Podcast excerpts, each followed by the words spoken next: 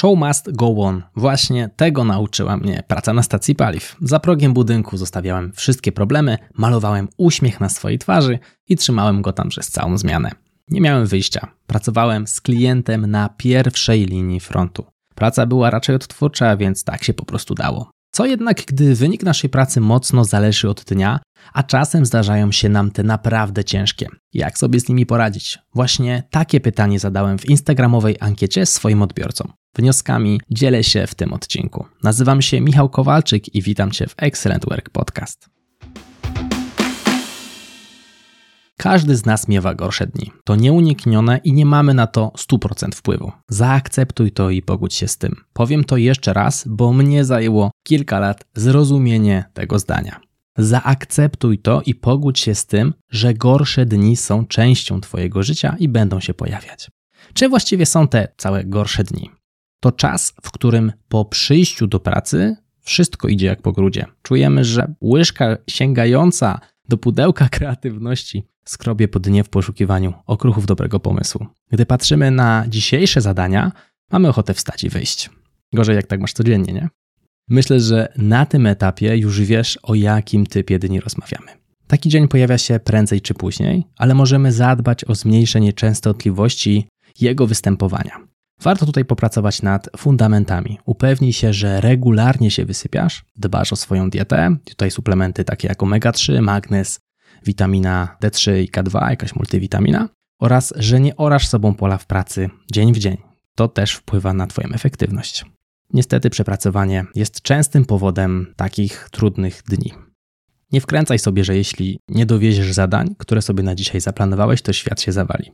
Obserwuję się już ponad 31 lat i zauważyłem, że najłatwiej mi wypaść z równowagi, gdy jestem albo głodny, albo niewyspany, albo w niedoczasie i generuję w swojej głowie sztuczną presję. Jedną z rad od obserwujących na Instagramie było robienie w takie dni absolutnego minimum i zadań top priorytetowych. No i nie. W 99% przypadków zadania top priorytetowe to nie są wszystkie zadania, które masz na dziś, mimo że może ci się tak wydawać. Jeśli czujesz, że są zadania naprawdę top, które muszą być zrobione koniecznie dzisiaj, a wiesz, że nie uciągniesz tego sam, poproś o pomoc kogoś z zespołu albo nawet przełożonego. To żaden wstyd. To dojrzała postawa wskazująca na Twoją troskę o firmę i świadomość Twoich możliwości tego konkretnego gorszego dnia. Jeśli już wiesz, co jest najważniejsze na dziś, pora na karczowanie Twojego kalendarza i zadań w aplikacji do planowania albo obu tych miejsc. Pomyślisz, hmm, no nie wyrobię się. Tutaj znów pojawia się pewna obserwacja, która sprawdziła się i mnie, i moim, powiedzmy, produktywnym przyjaciołom wielokrotnie. Po gorszym dniu, w którym po prostu odpuścimy, często przychodzi dzień konia, gdzie zadania padają jak muchy jesteś w stanie w dzień zrobić tyle, co normalnie robisz w trzy. Tutaj kluczowym wyrażeniem jest po gorszym dniu, w którym po prostu odpuścimy. Nie namawiam tutaj do wystawienia nóg na biurko i radosnego zakomunikowania światu, mam dziś gorszy dzień, a więc nie robię. Chodzi mi raczej o zwolnienie swoich obrotów w takie dni i danie sobie przestrzeni na popchnięcie absolutnego minimum zadań. Pozostały czas można wykorzystać na przykład na naukę. To też świetny pomysł, który zresztą padł na Instagramie. Na koniec dnia wielu z nas ma jakieś zaległe kursy, no chociażby te ode mnie, a słabszy dzień daje wspaniałą przestrzeń do ich nadrobienia. Dlaczego akurat nauka? Tutaj najbardziej chodzi o zmianę kontekstu. Gorszy dzień często ma zastosowanie do pewnego rodzaju czynności. Tutaj dla przykładu.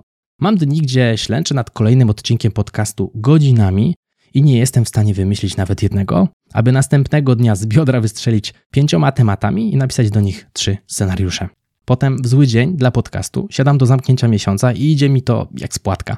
W skrócie, warto poeksperymentować z innymi czynnościami, które mamy jakoś zaległe, może nie czujemy dziś mocy do robienia usprawnień w raporcie, może nie ma dnia na przygotowywanie wyników miesięcznych czy kwartalnych, jeżeli oczywiście jest przestrzeń na to, żeby zrobić to w inny dzień, więc można zaeksperymentować z na przykład zaległym obdzwanianiem tutaj klientów. Wybór aktywności będzie mocno zależał od roli, jaką pełnisz. Na koniec dnia możesz po prostu sięgnąć do zaległych kursów, rozsiąść się wygodnie i nauczyć się wartościowych umiejętności. Jeśli masz możliwość w pracy, warto rozważyć dostarczenie do swojego organizmu świeżej porcji tlenu. Chociaż w świetle cen opału świeże powietrze w najbliższym czasie może być pojęciem mocno względnym. Możesz to zrobić wybierając się na krótki spacer. Gdy jeszcze pracowałem w Motorola, miałem okazję odwiedzić mój zespół w Berlinie. Spodobała mi się ich praktyka obiadowa, taka rutyna. Jedliśmy razem, a następnie obchodziliśmy budynek biura dookoła, po prostu rozmawiając. Taki spacer zajmował może 10, może 15 minut i z tego, co udało mi się ustalić, był częścią ich rutyny. No ile oczywiście na zewnątrz nie padał deszcz. Spacer może dostarczyć Ci sporo energii, rozprostujesz nogi, zmienisz na chwilę otoczenie, oderwiesz się od pracy, rozmawiając luźniej ze znajomymi. No i patrzenie na telefon w czasie takiego spaceru nie do końca będzie dobrym pomysłem. Kolejną radą, która padła na Instagramie, było trzymaj w biurku czekoladę. Rada, która z jednej strony wydaje się być zabawna, szczególnie jeśli jesteś łasuchem, z drugiej jednak ma wpływ medyczny. Czyli mamy teobrominę z kakao i magnes oraz trochę cukrów, które mogą postawić na nogi niejednego. W moim biurku trzymam też klasyczny magnes taki w tabletkach, no i wielokrotnie mi się tutaj sprawdził, podniósł mnie do działania. Nawet jeśli działa to jako placebo, czyli w zasadzie medycznie nie działa, no to rezultaty osiągam, a więc jak dla mnie jest to całkiem ok. Jeśli już jesteśmy w temacie suplementów, Wspomniałem już o witaminach i omega 3. Jest jeszcze jeden taki prawie że magiczny środek, który się świetnie sprawdza, gdy potrzebuje podnieść nieco swoje obroty. To jest adaptogen, zwany soplówką jeżowatą, czyli taki sproszkowany, wysuszony grzyb. Można go kupić albo w tabletkach i sobie tak połykać, zapijać wodą, albo go kupić w proszku i rozpuszczać sobie go w kawie.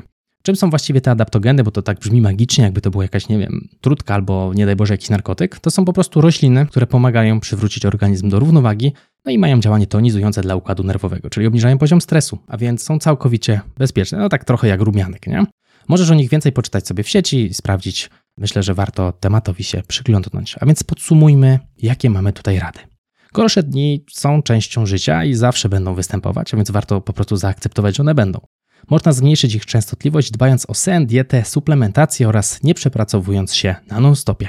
Zmiana kontekstu w gorsze dni może sprawić, że w innej płaszczyźnie zadań będziesz nadal produktywny albo nauczysz się wartościowych umiejętności, które przydadzą ci się w powiedzmy normalne dni.